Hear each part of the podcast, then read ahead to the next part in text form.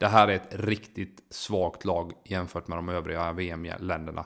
Kanske Panama är sämre, Saudiarabien, eh, något gäng till. Men sen är fan Sydkorea det sämsta i den här turneringen.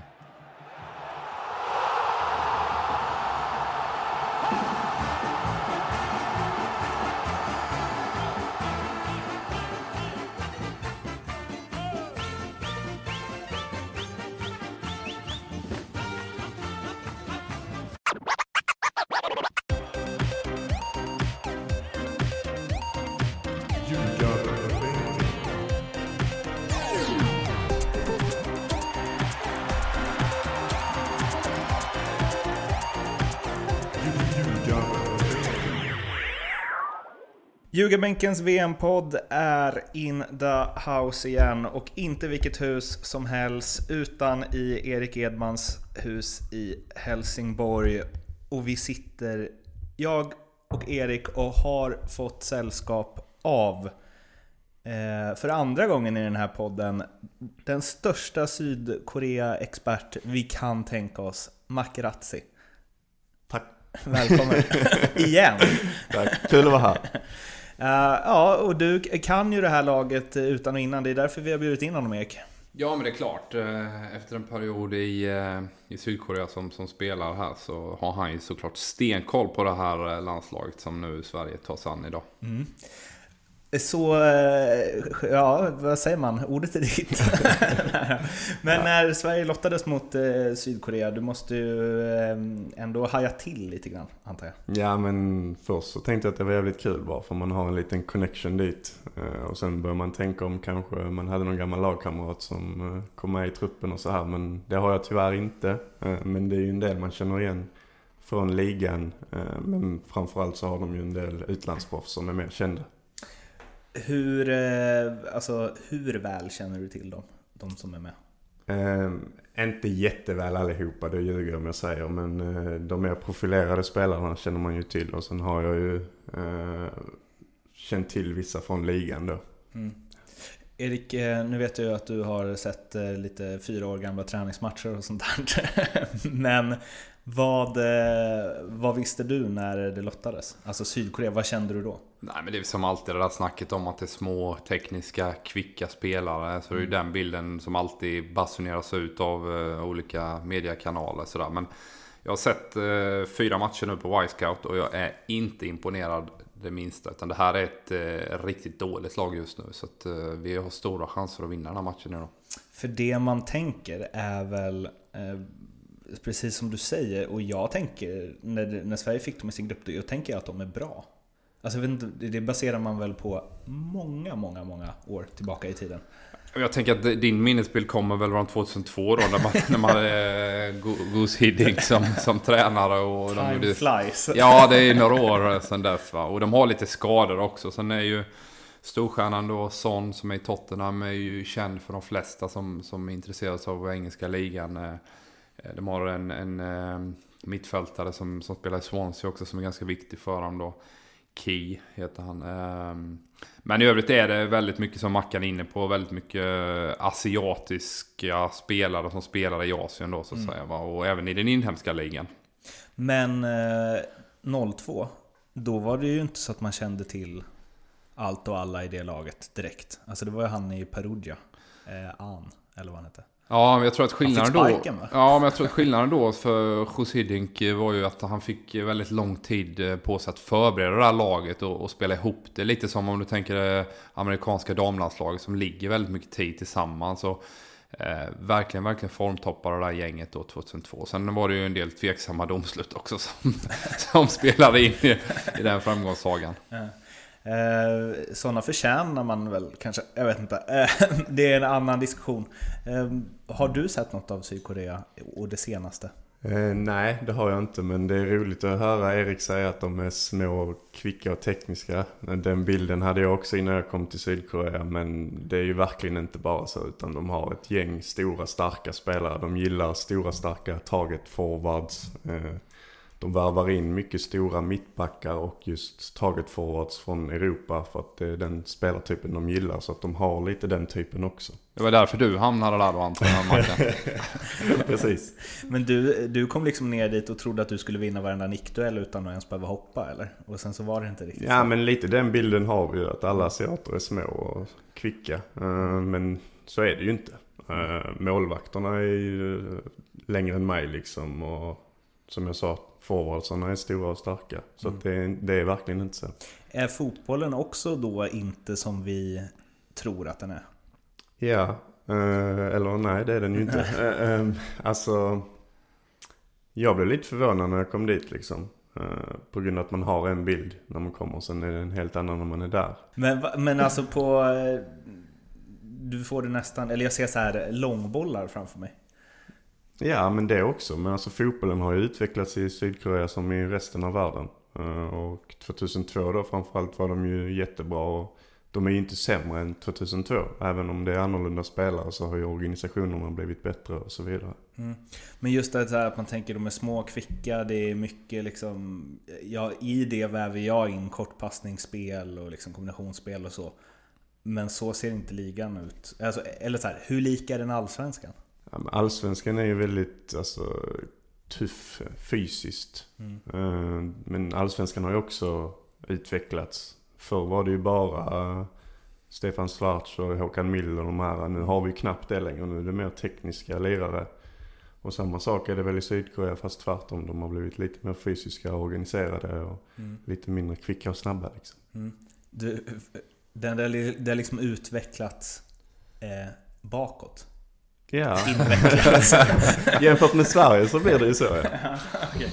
Eh, Men vad skulle du säga att det är för klass på, eh, på den eh, ligan? Om man, alltså, Ja, det, det är en svår fråga att svara på. De har ju, alltså det är mycket brasilianare till exempel som spelar högsta ligan i Brasilien som kommer till Sydkorea som är fantastiskt duktiga. Men sen så får du bara ha fyra utlänningar i varje lag. Och så det är blandat med lite yngre sydkoreaner och så här. Så att eh, det, det är väldigt upp och ner. Vissa lag är väldigt bra, de största lagen. De andra har inte samma jämna klass. Men hade de största lagen, alltså hade de vunnit Allsvenskan? Eh, vunnit, det är svårt att säga men eh, eh, Young Book som är nu det bästa laget skulle absolut klara sig bra i Allsvenskan. Okej, det är du helt... Ja, det är helt övertygad. Men jag ser ju att alla de här fyra brassarna de tar in då, att alla har fri roll. Det har väl alla brasilianer överallt.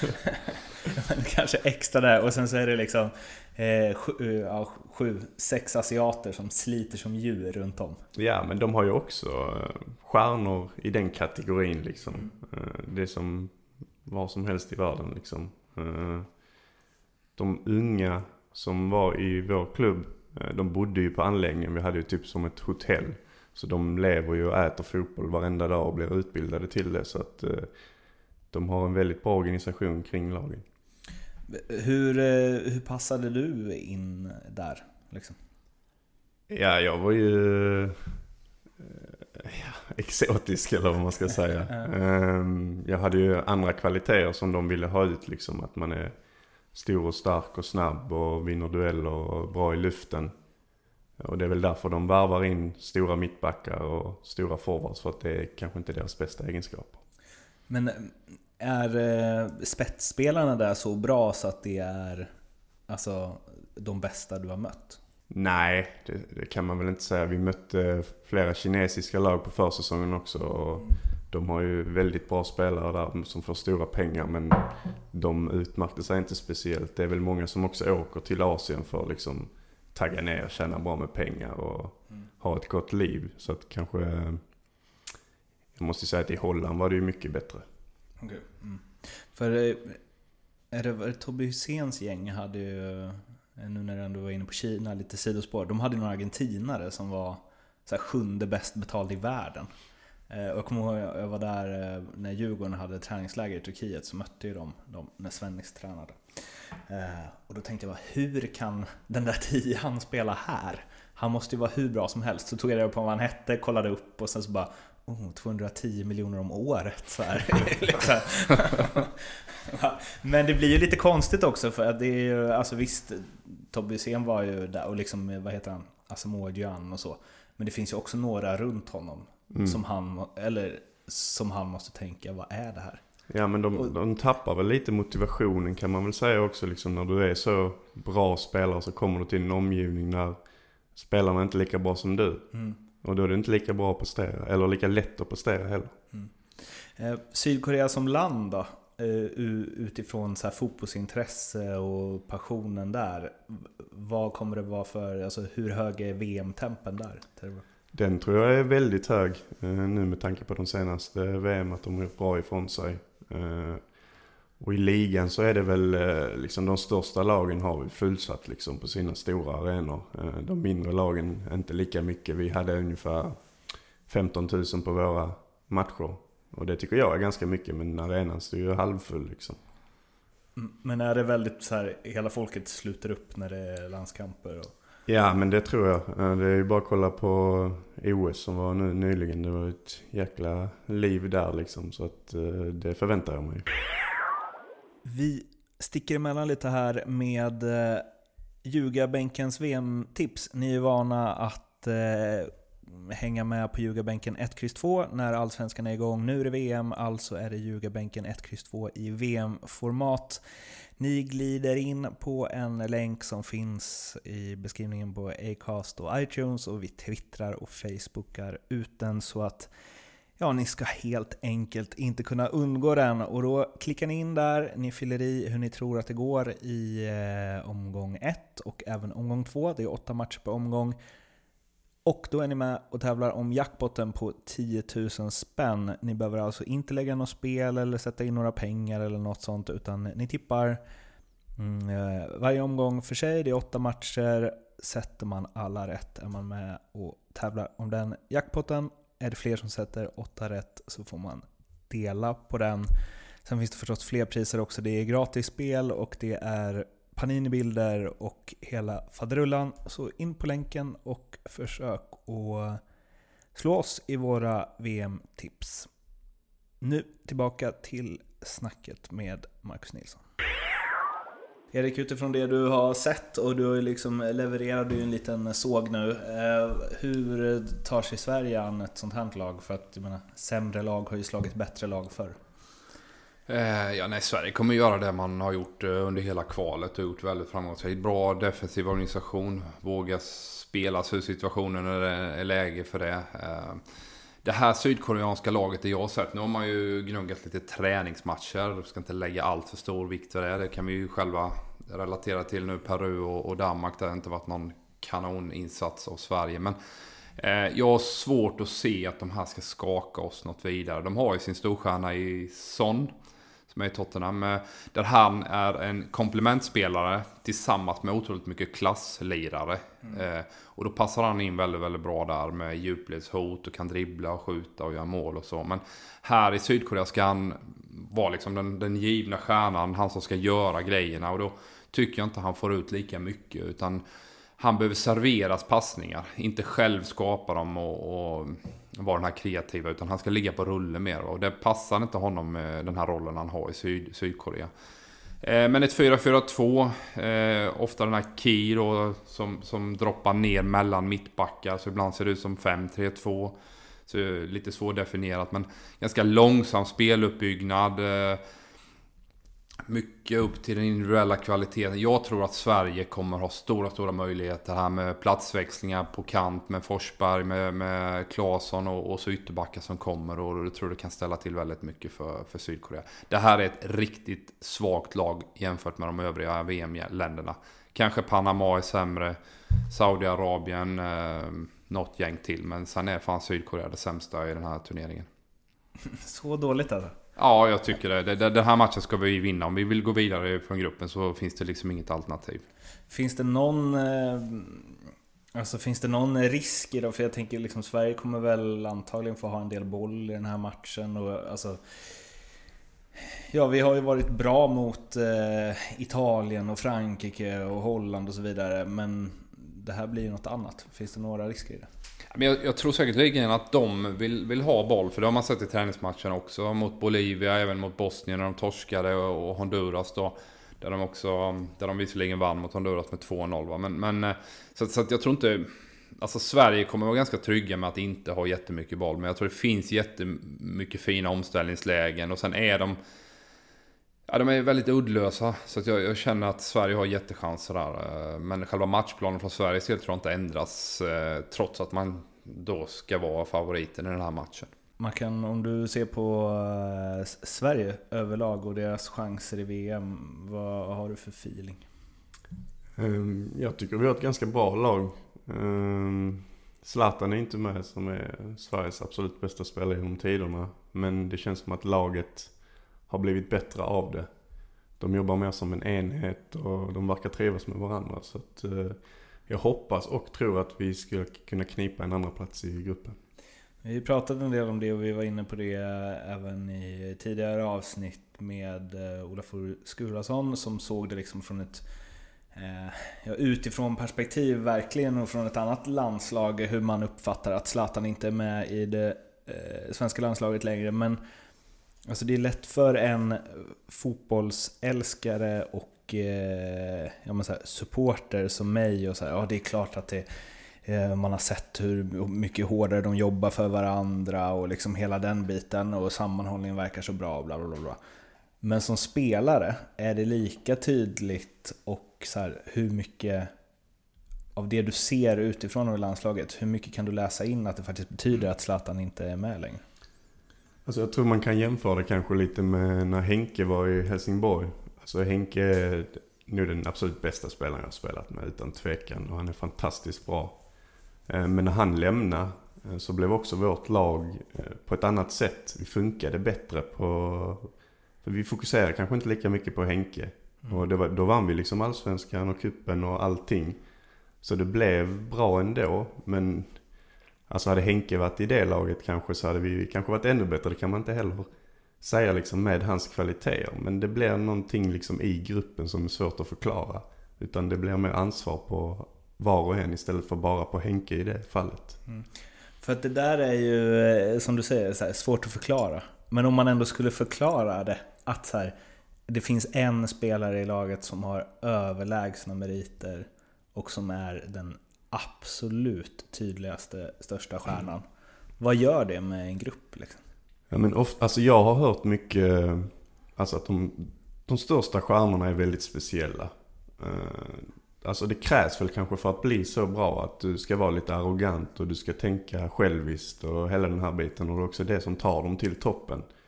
Eh, sen funkar ju inte det lika bra i en grupp. Och i Sverige kanske det blir ett extra stort minus då för att vi har alltid varit de här bra lagen och alla jobbar för alla. Mm. Och har man då en som inte jobbar lika mycket som alla andra men som kan göra mål från ingenstans liksom. Så då blir det kanske svårigheter i det. Men för där tänker jag så här, med Henke så var ju inte fallet att han inte jobbade lika hårt som alla andra. Nej, direkt. absolut inte. Men att det ändå blir så. Ja. För att så här, eller den så här, amatörförklaringen är ju någonstans att eh, ja, men man säger, oh, han löser det. Vi passar där. Ja. Och typ Juventus när de hade Zidane eh, för att dra en riktigt eh, lång och lite skev parallell. Men där gick det så här, varenda boll gick via honom. Vilket gjorde att så här, det kanske fanns mycket bättre alternativ mm. ibland, mm. men de passade ändå honom. Mm. Och så sålde de honom och hämtade in eh, Nedved istället och då blev det ett mycket mer direkt spel. Vilket gjorde laget mycket bättre. Ja men lite så kanske det var i HF också. Liksom. Man kollade upp liksom, var är Henke, var kan jag försöka passa honom? Och det är också det de, de väldigt stora spelarna vill ha bollen hela tiden. Och passar du inte dem blir de liksom sura. Mm. Så det har man väl i bakhuvudet också. Så att det är väl kanske resten av spelarna runt Eh, de här stora spelarna som inte kan leva upp till deras krav och därför mm. blir det inte lika bra.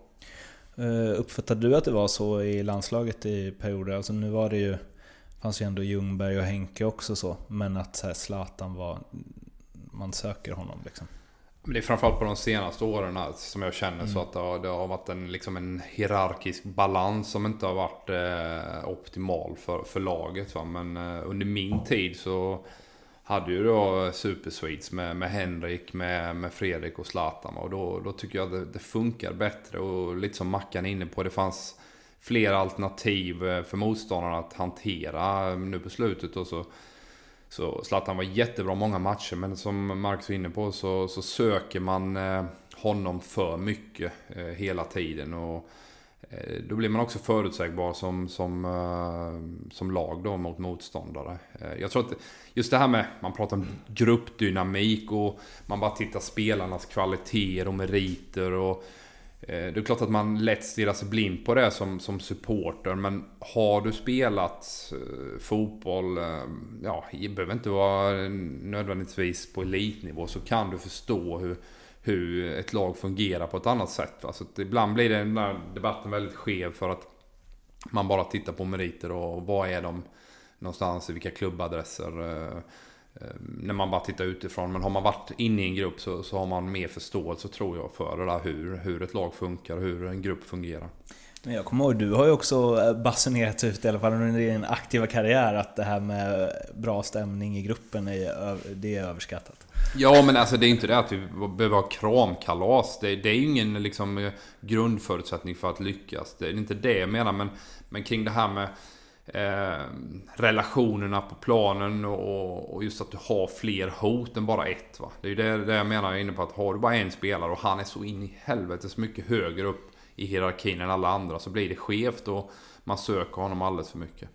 Nu ska jag göra en riktigt eh, snygg liksom, eh, koppling här då. Men, han, men Son i Sydkorea. Alltså för återigen en fördom eh, som alla sydkoreaner som lyssnar på det här får ursäkta. Men där tänker jag ju att det är också väldigt hierarkiskt. Och att han, att de kommer, eller så här, han är ju den överlägset största stjärnan där. Mm. Att alltså, de kommer söka honom i tid och otid. I Sydkorea är det väldigt hierarkiskt. Liksom. Mm. När man kommer in på träningar på morgonen ska man eh, buga och bocka för alla som är äldre än sig själv.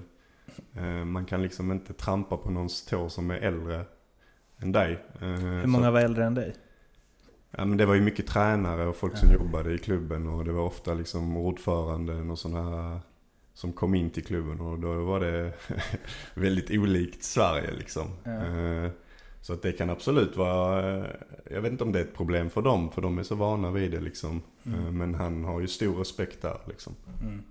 Men eh, hade du pejl på det? Så här första träningen eller? Nej, absolut inte. Jag började ju nästan med att eh, när vi kom till träningslägret och så var det en av de äldre forwardarna som har störst respekt i laget. Liksom. Jag började skoja med honom liksom, och knuffa lite på honom i hissen och så här. Och det såg man ju på hans ansikte att det här kan du inte göra liksom. och han tyckte inte att det var så lite nice att någon eh, gick ifrån mallen liksom? Nej, alltså det blev ju en kulturkrock helt enkelt. Okay. Eh, och jag skulle ju visa mig att eh, jag kan liksom skoja med vem som helst där liksom för att jag jag är ingen underdog, jag kommer hit för att vara en av ledarna. Mm. Men man såg det i ansiktet på honom att shit, nej, nu är du fel ute. Okej, okay. vad gjorde du då? Ingenting. okay. Hur hälsar du nästa gång då? Eller liksom... Nej men sen förstod man ju liksom hela den här biten och... Har du bugat mycket? I... Ja det har jag. Det har jag verkligen gjort. Okay. Eh, men man, du måste ju ta seden dit du kommer också. Du kan ja. inte bara köra ditt eget race. Eh, sen, ska, sen var jag ingen underdog eller så men man gjorde de här hälsningsfraserna och köpte hela det spelet och då blev man mer accepterad i gruppen också. Men eh, alla som var yngre än dig bugade för dig då, eller? Ja, eller det var lite så här för de utländska spelarna okay. var det inte lika starkt liksom, ja, men okay. de gjorde det också till slut. Kände, eh, Eh, tog du liksom tillfället i akt och njuta av det och så här, känna dig som en kejsare eller tyckte du att det var lite jobbigt? Nej, jag tyckte bara det var roligt. det är så olikt från vad man själv är van vid. Eh, ska ju säga det, du är ju assisterande tränare i Eskilsminne eh, där du också är och rör om ibland Erik. Kör bugar truppen? Eh, nej, verkligen inte. Men no någonting man alltid gör utomlands, det är liksom att när man kommer in på morgonen, är att man hälsar liksom med eh, handen eller någonting liksom. Så att det har jag tagit med mig från mina erfarenheter utomlands liksom. Att man får en bra kontakt med var och en om man går fram till dem liksom. Och... Att man går runt och tar i hand med alla? Ja, alltså liksom. det inte vi har, gör någon high five liksom, ja, lite rolig grej. Men då får man en kontakt med alla och... Ja på ett annat sätt. Hade en, eh, när jag gjorde praktik på Sportbladet för 12 år sedan. Då eh, fanns det en kille där, jag vet inte om han jobbar kvar, som kallades för Burra. Som var någon TV-chef. Varje gång som han kom in på eh, morgonen så gick han runt till alla på hela redaktionen. Alltså det kunde ju vara så här 60 pers. Och så mm. tog han och bara “Tjena, tjena, läget idag? Är det bra?” ja, det Vilket gjorde att alla älskar honom. Precis, man får ju en bra connection liksom. Och det är alltid så, kommer du till en ny grupp så tär du dig till vissa spelare och då får du en bra connection med dem. Ja men med alla andra då. Det är ju mm. helheten som ska vara bra så du måste lära känna varje individ. Mm. Eh, Erik, eh, på de matcher du har sett, ser man någonting i att så här, sån eh, får bollar han kanske inte ska ha? Ja men det, det finns eh, definitivt paralleller med det som vi har varit inne på kring det här hierarkiska. Att han är ju storstjärnan och man söker honom väldigt mycket. Och han känner nog själv också att jag måste fixa det här. Va? Mm. Eh, kontra då Tottenham där han mer är en rollspelare som, som har en avgörande roll vissa matcher. Men det finns så otroligt mycket mer bra spelare i det här laget. Här är det han som ska göra det. Och det blir lite förutsägbart. Så att, ehm, eh, jag tror det är bra för Sverige, definitivt. Finns det no alltså kan man säga att deras offensiv är så beroende av honom att så här, stäng ner honom så är det klart? Liksom. Man ska också komma ihåg det, de matcherna jag har tittat och även det man har läst så har han inte varit speciellt lyckosam i landslaget. Han gjorde mål mot eh, Honduras här nu i förberedelserna men sen har han varit rätt kall alltså. Så att eh, han tillsammans med många andra har ju inte alls fått till det hittills. Så att jag hoppas att det fortsätter i, idag då. Har du eh, någon spelare i Sydkorea som du så här, Eh, om, vi, om vi ändå ska höja en, ett varningens finger. Eller någon du gillar eller något, någon Nej, som jag, har något. Jag, jag, ser ju att eh, Key då som, som spelar i Swansea är, har en väldigt viktig roll där bak. Han droppar ner i backlinjen som, som mittback ibland och styr väldigt mycket uppspel. Han känns ju som han är en central och viktig figur för dem. Sen är det ju sån liksom. Det är ju, det är ju där och det är klart att Janne och, och övriga staben har kollat väldigt mycket på det. Va? Men eh, ja, Ki och Son, det är de vi behöver se upp med såklart. Vi ska strax runda av här, men vi har ju en VM-enkät som vi kör med alla gäster i podden. Och så även med dig nu som lite avslutning. Eh, vilket är ditt första eh, VM-minne? Jag tänkte först på VM 94 men eh, det är nog mest reprisbilder man har sett där egentligen. Så att eh, VM 98 i Frankrike, eh, det är väl de starkaste minnen jag har. Mm.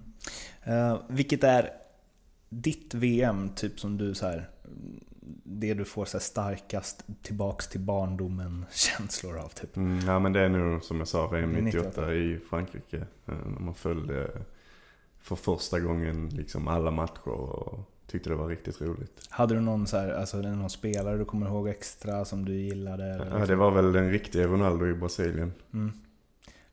Du så här, tänkte att där, dit ska vi, eller? ja, kanske inte som forward liksom, men eh, alltså, man, man blir inspirerad av bra spelare liksom. Och, de roliga frisyrerna de har under VM och sånt är alltid någonting roligt att kolla på också. Ja. För att eh, Skulason berättar ju att han, eh, var det Dunga han gillade? För att han kände att han kunde så, knyta an till sin egen spelstil. Mm. Liksom. Var Marco Materazzi med 1998? ja, men jag tänker ju på han i EM, det här med Zidane liksom. Jag har alltid älskat uh, Materazzi. För det är väl kanske lite samma koppling där. Att jag mm. spelar också hårt och gillar den typen av spelare. Men en Ronaldo-frisyr där, det hade suttit. Ja, det, den är fin. Var det no, när var det han hade den?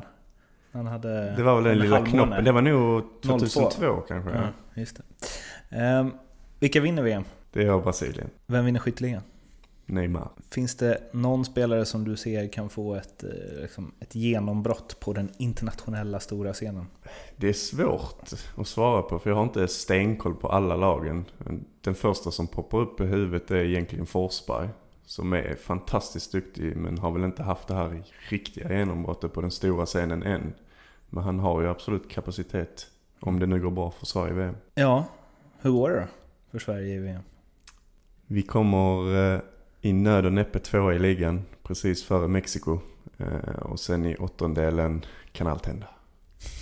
Fast eh, det kan det ju inte. Eftersom du sa att Brasilien vinner guld. Eh, och om Sverige inte vinner, har du något andra lag som du håller på? Sydkorea förstås. ja, nej men det är absolut. Jag hoppas Sydkorea går långt. Men det blir ju på bekostnad av Sverige i så fall. Uh -huh. Annars så är det nog eh, Brasilien som jag tycker är roligt att följa. De har så många fantastiska spelare och spelar rolig fotboll och det är alltid roligt att följa dem i mästerskap. Mm. Hade, det finns ju något där om Sverige och Sydkorea går vidare. Då bjuder vi in dig igen. Eh, du Marcus, eh, tusen tack för att du ville vara med. Tack för att jag fick vara med. Eh, och sen så hörs vi igen i morgon och ja, nu är det bara heja Sverige. Det är på med dina gamla landslagströjor och vira in sig i flaggor och hela faderullan. Ja, jag har en gammal sydkoreansk tröja någonstans också. Eller om jag har sålt den kanske. Bränna den? Ja, bränna upp den. ja, vi hörs igen i morgon. Då blir det både webb-tv där vi snackar ner matchen i eftermiddag och sen så blir det en podd till. Ha det bra tills dess. Ciao!